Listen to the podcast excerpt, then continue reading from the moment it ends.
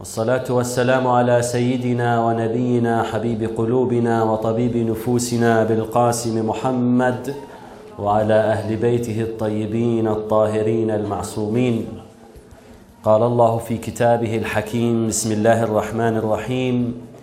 إنما وليكم الله ورسوله والذين آمنوا الذين يقيمون الصلاة ويؤتون الزكاة وهم راكعون. صدق الله العلي العظيم وصدق رسوله محمد وآله الطاهرين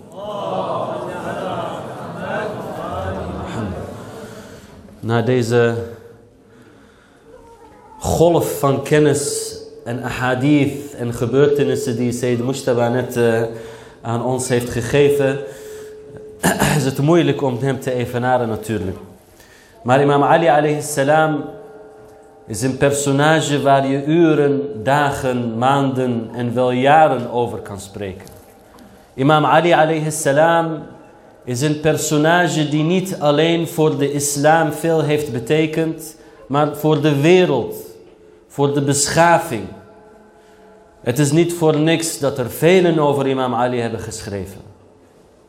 Het is niet voor niks dat een christen zegt, als de liefde van Ali mij een Shiït maakt, dan ben ik Shiït.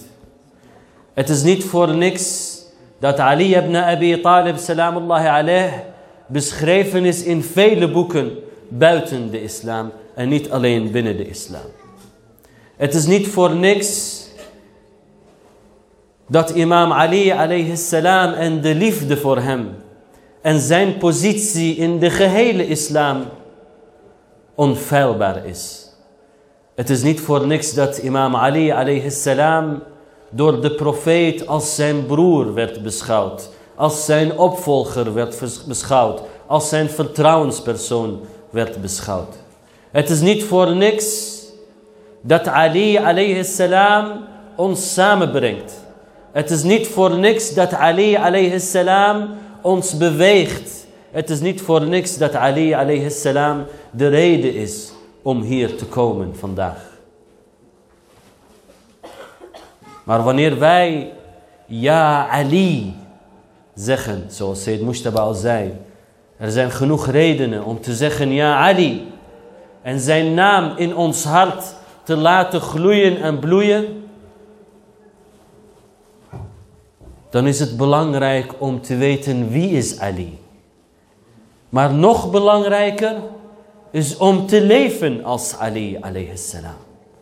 Nog belangrijker is om te weten hoe ik me moet gedragen volgens Ali alayhi salam.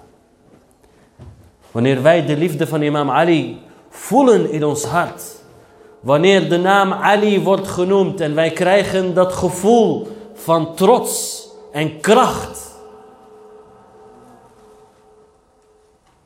Dan moeten we ons afvragen, wat was het dat Ali alayhi salam, of wat is het dat Ali alayhi salam mij zo beweegt? En leef ik volgens zijn manier van leven? In elke gemeenschap, in elke tijdperk, in elke leeftijd van een persoon, van een mens, zijn er voorbeelden, idolen, mensen waar, we ons, waar wij ons aan reflecteren, waar we voorbeeld aan nemen. In elke leeftijd die we hebben, zijn er mensen, personages die ons beïnvloeden in ons eigen leven. Die mij laten bewegen volgens een bepaald systeem. Als je geboren bent, zijn dat je ouders. De eerste paar jaar kijk je alleen maar op naar je ouders. Hoe zij zich gedragen, hoe zij zich voelen, hoe zij zich uiten, op welke manier ze praten, op welke manier zij zitten. Hoe vaak zien we niet kleine kinderen die hun ouders precies kopiëren? 100%. Word je dan wat ouder, dan zijn het je schoolvrienden. Dan is het je leraar of je lerares. Dan zijn het voetballers. Dan zijn het acteurs opeens. En zo breid je steeds maar weer je visie en je kopieert het gedrag van mensen van wie jij denkt dat ze waardevol zijn. Maar wij hebben geen acteurs, geen voetballers, geen weet ik veel wat nodig. Want wij hebben personages die in elke leeftijd, in elke situatie, in elke manier, op welke manier dan ook en hoe je je ook voelt en waar je ook bent en in welke situatie je ook bent, Ahlul Bayt alayhim salam zijn jouw voorbeeld. Zijn ons voorbeeld. Het is niet zo dat we hier komen alleen maar uit vreugde voor imam Ali. Of om te zeggen dat we volgers zijn van imam Ali. Of om hasanat te krijgen van Allah voor het vieren van de geboorte van deze persoon. Die zo belangrijk is voor islam, voor de profeet, voor Ahl al-Bayt, voor het geloof. Nee, het is niet alleen dat. Wij nemen een voorbeeld aan Ali salam. Wij reflecteren ons gedrag op het gedrag van Ali salam. Wat leert Ali mij? Wat vertelt Ali mij? Hoe leef ik volgens Ali? En als we dat kunnen bereiken, dan bereiken we de perfectie als mens. Als we dat kunnen bereiken, bereiken we de perfectie als mens. Het is niet voor niks dat Allah subhanahu wa ta'ala Ali indirect in de Koran heeft genoemd. Wanneer hij zegt, innama waliyukum Allah wa rasuluhu. والذين آمنوا الذين يقيمون الصلاة ويؤتون الزكاة وهم راكعون. Inshallah zal ik daar verder op ingaan straks. Wat maakt Ali Ali? Hoe leefde Ali? Hoe leef ik als Ali alayhi salam? Ali alayhi salam had een relatie met Allah en had een relatie met de gemeenschap. En die twee samen maakten van Ali zijn persoonlijkheid. En Ali wilde tegen ons zeggen als moslim, als volger van Ahlul Bayt, als volger van het geloof, iedere persoon van ons moet hierop letten.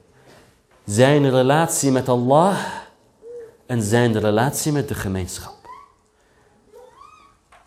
Ali ibn Abi Talib, salamullahi alayh, was diegene, jullie kennen allemaal wat Ali zei over zijn relatie met Allah. Ten eerste geloofde hij in Allah door kennis te hebben en overtuiging te krijgen in de aanwezigheid van Allah subhanahu wa ta'ala. Waardoor hij zei, Wallah, law kushifa al bij Allah, als alles zou verdwijnen, alle bedekking die mij weerhoudt van het zien van Allah met mijn eigen ogen, dan was mijn overtuiging niet meer geworden dan dat hij nu is. Het is alsof Ali alayhi salam Allah zag. En dat maakt dat Ali in elke stap die hij zette, dacht aan Allah subhanahu wa ta'ala. En soms denken we dat dat niet haalbaar is.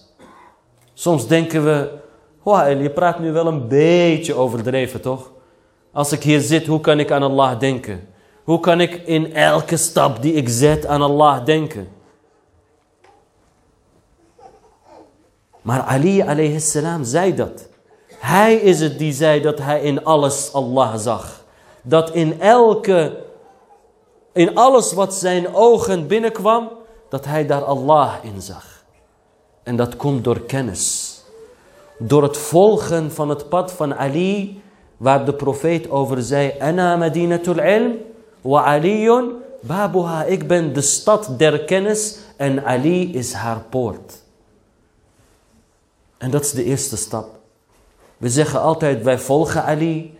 We zeggen altijd, wij zijn volgers van Ahlul Bayt. Maar hoeveel weten we van Allah subhanahu wa ta'ala die de Ahlul Bayt heeft gemaakt? En op dat moment dat je gelooft in Allah, dan zullen de deuren voor je openen. Want hoe vaak komen we voor een bepaalde, komen we in een bepaalde situatie waarin we denken, waarom? Ja Allah, waarom moet ik dit doorstaan? Waarom kom ik in zo'n benarde situatie En heb ik altijd pech. Ik zie heel veel mensen die mij bezoeken op het spreekuur. En dan leg je ze een operatie uit. Zeg, heb je niet genoeg aandacht getrokken net. Moet je... Heel veel mensen komen bij mij en je legt een operatie uit en je zegt er is 1% kans op die complicatie. Wat zeggen ze als eerst? Ja, waarschijnlijk ben ik die 1%. Ja, ik heb altijd pech. Het is altijd, bij mij gaat altijd alles mis. Stel je voor dat dat is wat je voelt. Dat je bepaalde situaties meemaakt waarvan je denkt, het kan niet zo zijn dat Allah subhanahu wa ta'ala van mij houdt en mij in deze situatie brengt. Soms gebeurt dat. Dat maken we allemaal wel een keer mee. Maar Ali ibn Abi Talib, salamullahi alayh, zei, ik zie de schoonheid van Allah in alles wat mij overkomt. Kijk naar Zainab, de dochter van Ali ibn Abi Talib, salamullahi alayh. Wanneer Ubaidullah ibn Ziyad haar vraagt en zegt, wat heb je gezien? Wat vind je ervan? Wat Allah met jou en je familie heeft gedaan? Wat heeft ze geantwoord? Ma ra'aytu illa, illa Jamila. Ik heb niks anders gezien dan pure schoonheid. En nu zeg je, oh, wat... doe even realistisch. Hè? Ik zit in een dip en dan komt die volgende dip en dan wil je dat ik schoonheid van Allah subhanahu wa ta'ala zie. Ja. Want je moet weten dat Allah subhanahu wa ta'ala onze trainer is. Allah subhanahu wa ta'ala brengt ons in situaties zodat wij kunnen groeien als mens. Het is aan ons om de keuze te maken om de schoonheid te zien van wat Allah subhanahu wa ta'ala mij geeft. Of te denken dat Allah niet meer van mij houdt. Kijk maar naar Ali ibn Abi Talib. Kijk naar Ali. Ali ibn Abi Talib, en Sayyid Mushtaba heeft het net verteld werd gevraagd door de profeet sallallahu alayhi wa alihi wa sallam. O Ali, wil jij slapen in mijn bed? Met het risico dat de mensen van Quraysh jou zullen vermoorden? De boodschap van de profeet sallallahu alayhi wa in die tijd verspreidde zich heel snel. Het begon onder de mensen ontzettend te verspreiden in Mekka waar de profeet onder een soort curatele werd gesteld. Hij kon eigenlijk zijn huis niet uit, hij moest altijd onderduiken. Maar het bericht van islam verspreidde heel snel. Dus de grote kopstukken van Quraysh kwamen bij elkaar en ze zeiden Mohammed sallallahu alayhi wa sallam dat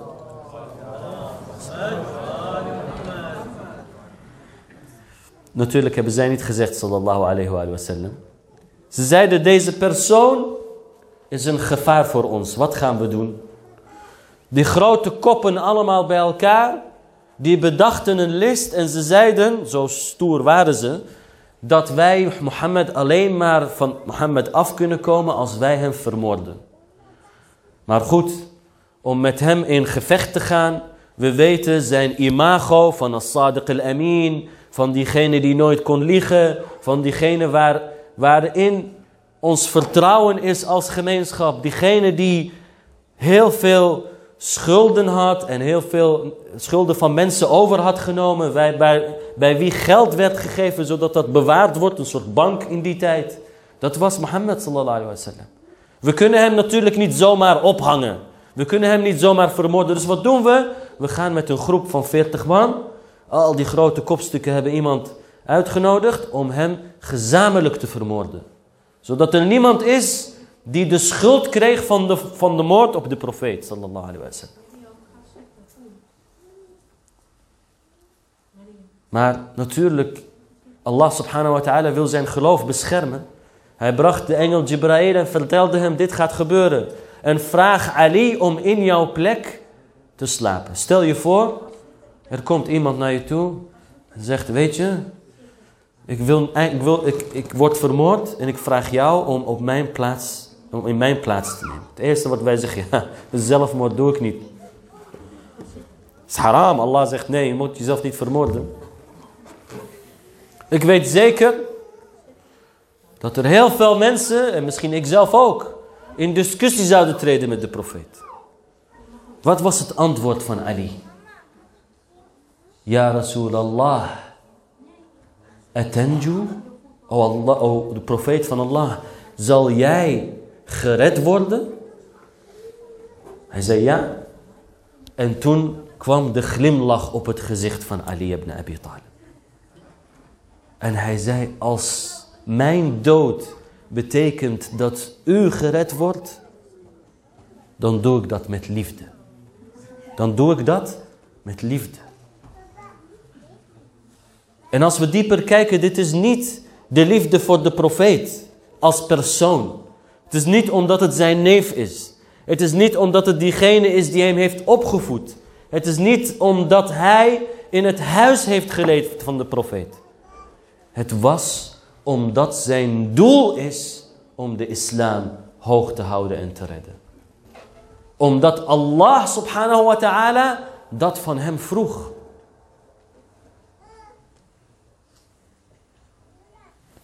Kan je een grotere dieptepunt bedenken dan dat je in een bed gaat liggen wetende dat je waarschijnlijk wordt vermoord? Dan zijn al onze zorgen opeens veel kleiner.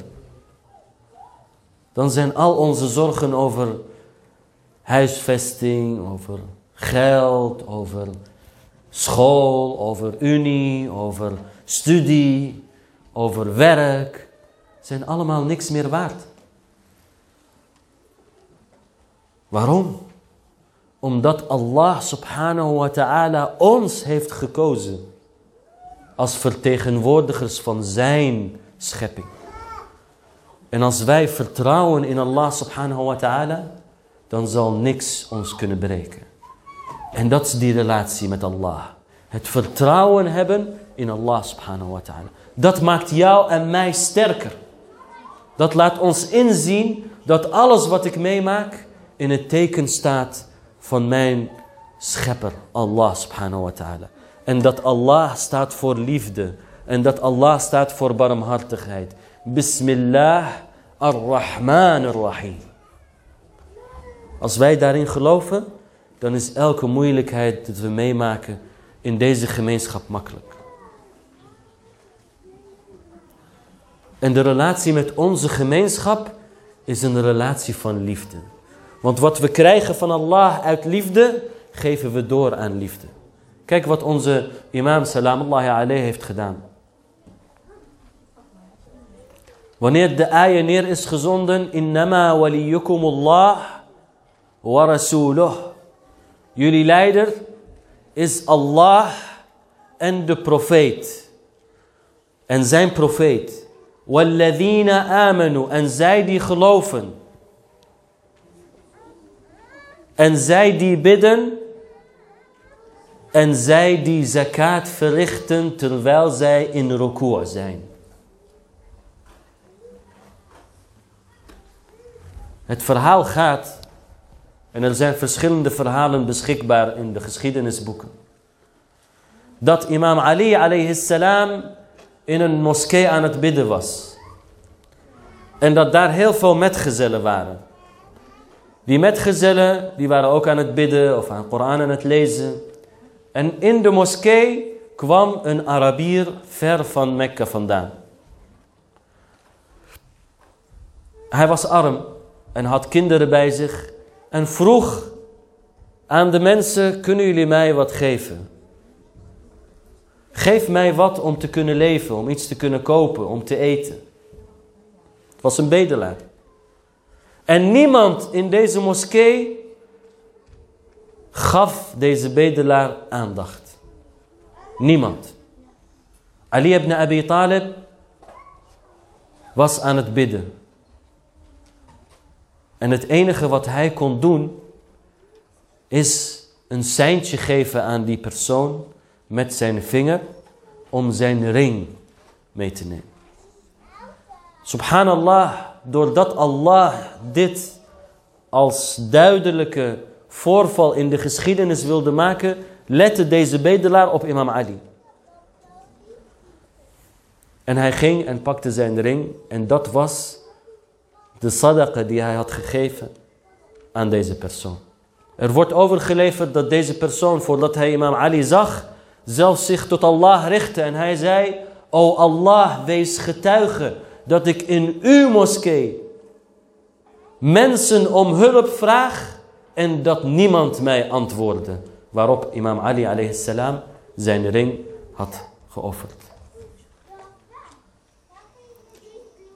Vaak gaan we heel snel over dit voorval. Maar wat de imam salamullahi alayhi nou eigenlijk duidelijk wil maken, is het volgende. Is dat jouw gebed en de a'maal die je verricht, moeten leiden tot een persoon die de gemeenschap dient. Moet leiden tot een persoon die denkt aan de ander. Het is duidelijk dat ik te lang heb gesproken.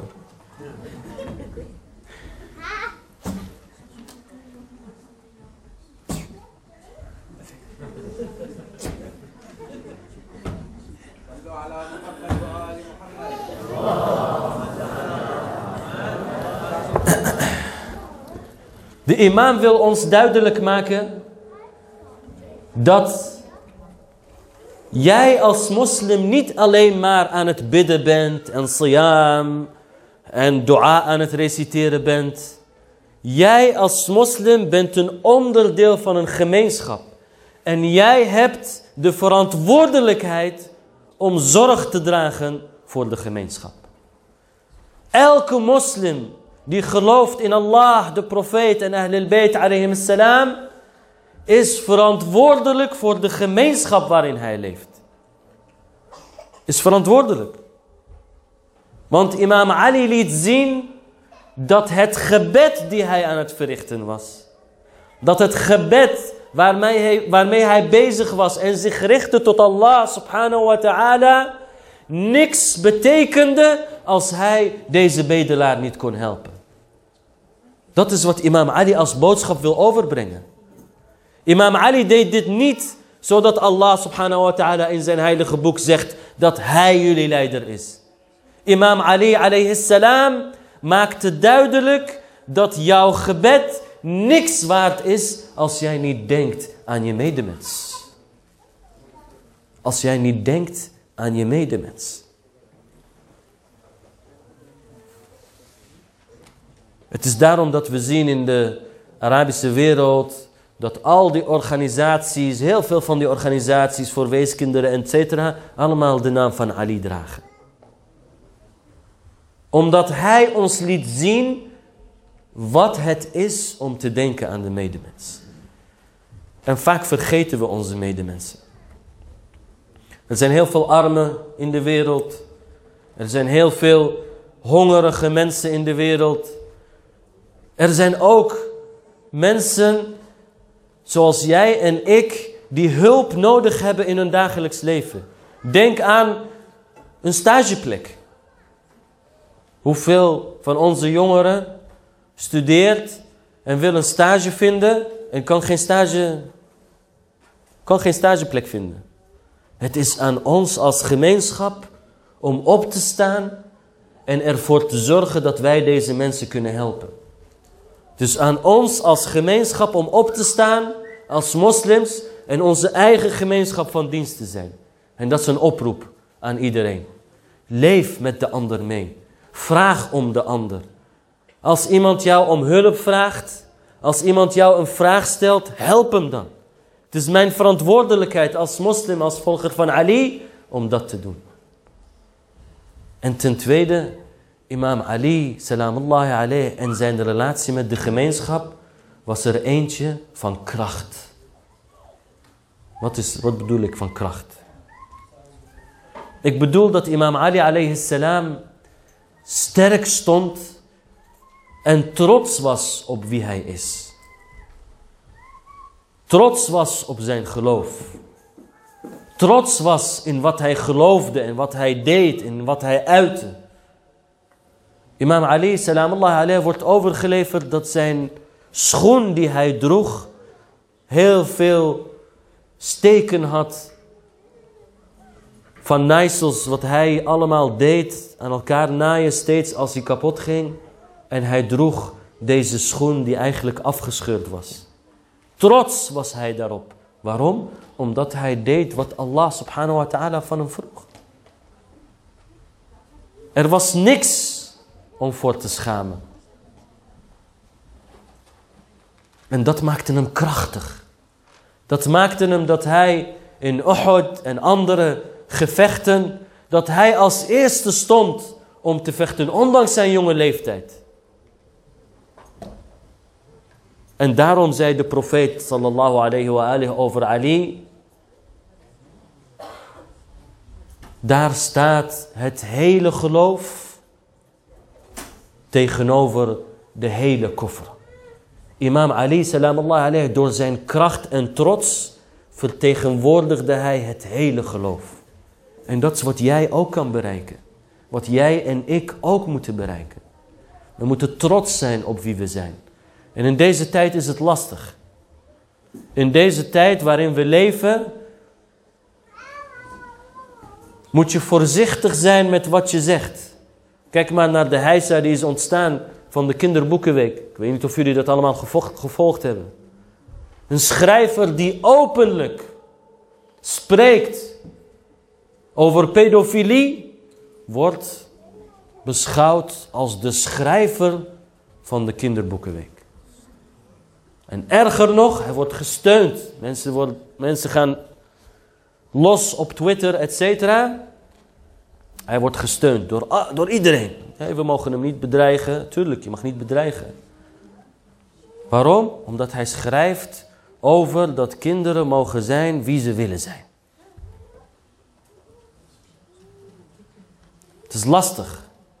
Als we het hebben over gender, als we het hebben over voorkeuren, als we het hebben over geloof überhaupt, als we het hebben over godsdienstige scholen.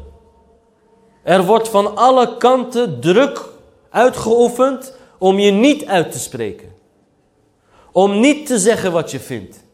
Om niet je geloof te uiten.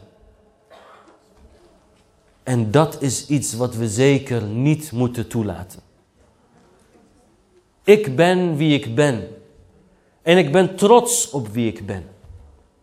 En hier is er vrijheid om te zijn wie je bent. Dus wees wie je bent.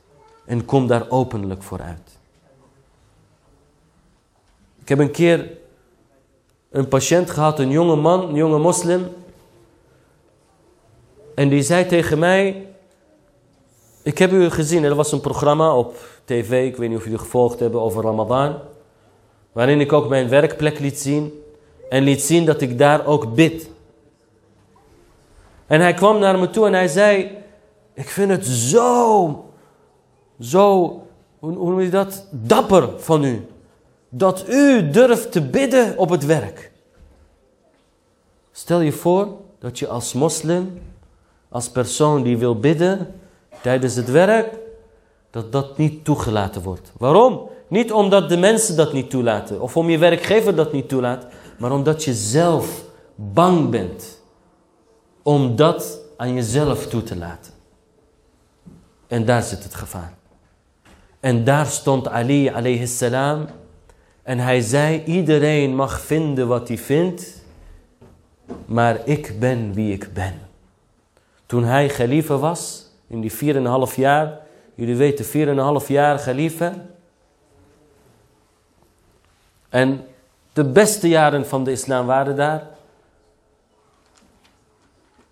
Hij zei, toen, de, er een paar gawaris naar hem toe werden gebracht. En de mensen vroegen om deze gawaris te straffen. Hij zei, waarom zou ik ze straffen? Als zij onrecht aandoen, dan hebben we een antwoord. Als zij mensen vermoorden, dan hebben we een antwoord. En als zij met ons willen discussiëren, dan hebben we ook een antwoord. Ik ben niet bang. Ik ben niet bang voor de ander, voor een andere mening. Want mijn mening is sterk.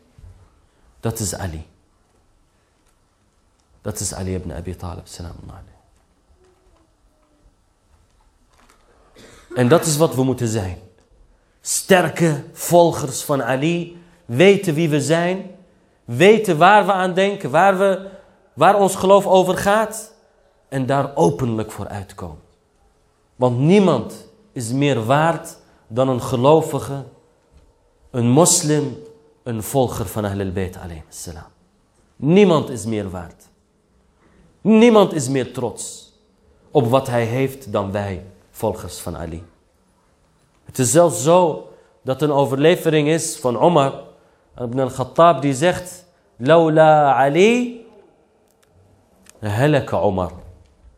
Als het niet voor Ali was, dan was Omar vergaan. Waarom? Omdat Omar ibn al-Khattab in zijn tijd van khalifaat heel vaak vragen kreeg, jurisprudentie, waar hij geen antwoord op kon geven. Geen antwoord op kon geven. En wie was degene die altijd antwoord kwam geven? Dat is Ali ibn Abi Talib. Dat is Ali ibn Abi Talib. Om een zijstraatje hiervan te maken. Er is veel discussie soms over onze maraja, onze geleerden. Die eigenlijk de vertegenwoordigers zijn van ons geloof. De vertegenwoordigers van onze imams. En vaak wordt gezegd. Weet je, die mensen die weten alleen maar van fiqh van salah en som, van halal en haram. En wat weten zij nou van ons geloof? Wat weten zij nou van onze wereld? Wat weten zij van onze gemeenschappen? Ik wil jullie op het hart drukken om te realiseren dat er geen enkel persoon die zich moslim voelt en moslim is zonder deze maraja kan. Wij hebben deze maraja nodig. Ze zijn een gunst van Allah subhanahu wa ta'ala voor ons. Om te weten in moeilijke tijden wat we moeten doen. En dat meen ik serieus. We moeten ons realiseren dat een aanval op de maraja is een aanval op ons geloof. Kijk naar Omar, de khalifa in die tijd van de islam Los van hoe wij daarover denken.